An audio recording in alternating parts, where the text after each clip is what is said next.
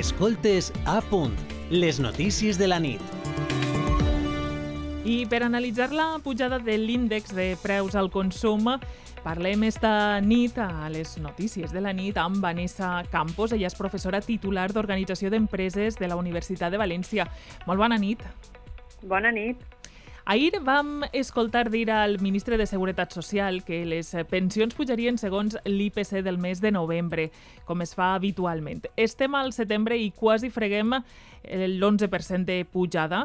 Eh, al nivell estatal estem al 10,5%. Pujaran més els preus d'ací a novembre? Quina és la, la previsió que teniu eh, els economistes, les economistes? A veure, eh, normalment quan intentes veure si n'hi ha, mar ha més marxa per a pujada de preus, el que fas és mirar al, a la dada de la inflació sub subjacent i la dada de la inflació subjacent segueix cresquent ja la tenim a un 6,4%. La inflació subjacent és la que medeix eh, la variació de preus dels productes de la cistella de la compra que no són ni um, tot allò relacionat amb, el, amb els combustibles ni tot allò relacionat amb els aliments frescos. Ara mateix està al 6,4%, que és la dada més alta des de que es calcula la inflació subjacent. És, és des de l'any 1994. És una dada altíssima. Probablement eh, seguiran pujant alguna més els preus. Uh mhm. -huh. Per tant, acabarem l'any encara amb eh, els preus eh, més cars, és a dir, que, que haurem de fer equilibris no? per, per mantindre un poc eh, la qualitat en el menjar a, a casa i, i també si decidim eixir algun dia fora de casa, a algun restaurant o algun bar.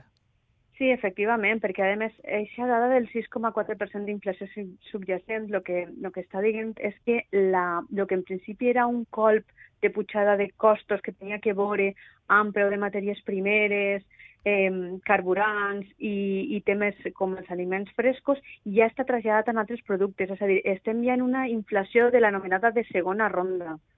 I ara el, el tema pot ser veure si de la segona ronda, que ja s'ha traslladat als preus d'altres productes que incorporen eh, matèria, el preu de matèries primeres, tot el tema de la logística, en tot el tema de, de, de la, dels carburants i tot això, perquè tota la logística, la major part en Espanya la fem per carretera, -huh. això és molt ineficient i molt car, i més quan no tens combustible fòssil, no és teu, sinó que l'has de comprar fora en un euro a la baixa. Tot això complica bastant la situació. I, bueno, pues, és, és una situació, jo, bueno, els economistes l'anomenem la, la pitjor dels escenaris possibles, una situació endimoniada, perquè és inevitable fer més pujades d'aquest tipus d'interès i això també afectarà al poder adquisitiu de les famílies i, i de moltes empreses, afectarà els comptes de resultats de, le, de les empreses també, i això arribarà un moment en què se traslladarà a, a, al mercat de treball. És, mm -hmm. és quasi... Estem ahir, ahir, estem a punts. A banda el que estaves comentant de si pujaran les pensions tant com l'IPC, o, o si pujaran més de l'IPC. El ministre ha dit que pujaran tant com l'IPC, però clar, les pensions es paguen en base a les cotitzacions a la Seguretat Social que fem les persones treballadores, que es fan en base als salaris de les persones treballadores i paguen entre treballadors i empresaris.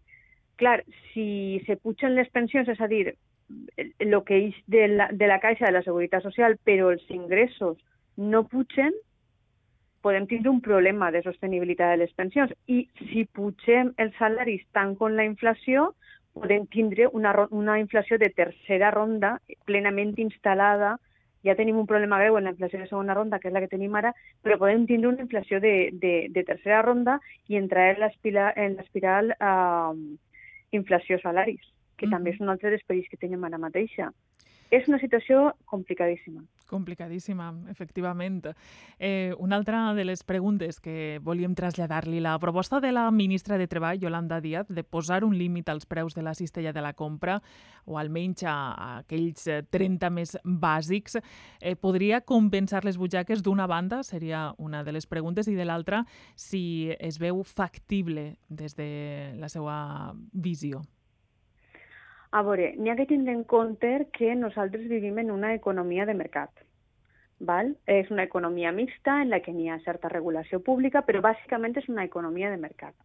Aleshores, els preus dels productes eh, el que fan és reflectir el cost de producció i també el cost logístic de portar aquests productes des d'on ja se, on, on se produeixen fins el lloc on, es, on els productes es venen al consumidor final. Per exemple, en tot el tema de la distribució, els costos logístics són importantíssims.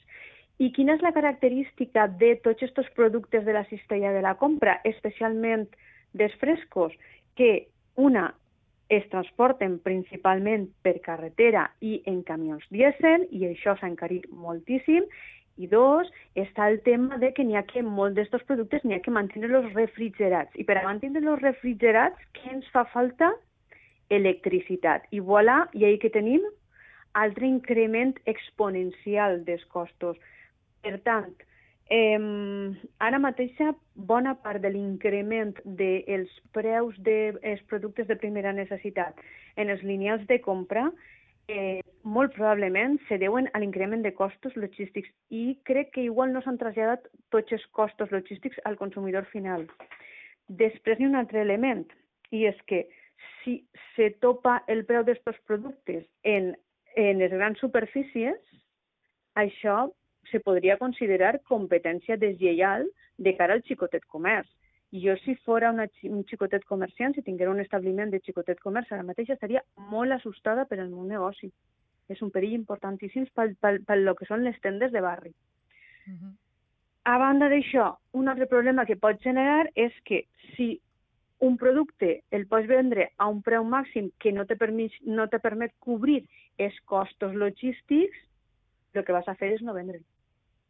Se pot produir un desabastiment. Jo sé que això és, no és eh, el que molta gent està esperant escoltar, però jo he de dir com a tècnic el que pot passar.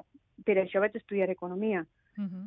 Si algú vol escoltar una altra cosa, jo lamento comunicar-li que jo no puc dir-li una altra cosa que no siga el com funciona el mecanisme del mercat, que és de lo que estem parlant. Efectivament. Doncs eh, és el que hi ha, és la crua realitat, eh, analitzada per una economista, en aquest cas eh, per la professora titular d'Organització d'Empreses de la Universitat de València, Vanessa Campos, que de segur eh, que tornem a contactar amb ella perquè l'economia és protagonista estos dies i sembla que ve per a quedar-se durant molt de temps amb nosaltres però avui ja anem a acomiadar-la. Moltíssimes gràcies per haver atès la telefonada de la ràdio pública, en este cas de les notícies de la nit. Molt bona nit i moltes gràcies. Bona nit, gràcies a vosaltres. Escoltes a punt, les notícies de la nit.